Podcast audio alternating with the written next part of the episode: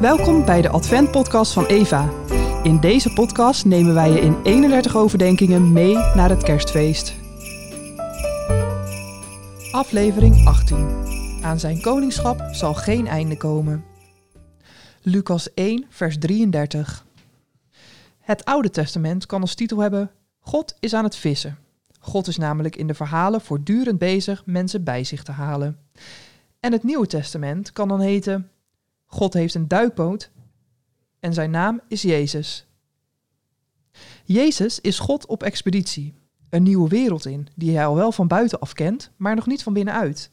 De ervaring erin te leven, het zelf te zijn. En God onderneemt een ontdekkingstocht langs alle uithoeken van het menselijke bestaan. Hij ervaart honger, verdriet, vreugde, maar ook de simpelste dingen als hoe zweet ruikt, hoe je wakker wordt, hoe kippenvel voelt. In zijn duikboot zakt hij steeds dieper in het menselijke bestaan, totdat hij die diepste wanhoop voelt. God is op alle plekken geweest waar hij nog niet was, zelfs in de dood.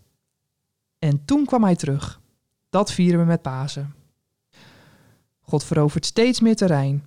Zo wordt hij koning over alles. Dat is de boodschap van de Bijbel, die begon met kerst. God is overal in geweest en God kwam overal uit.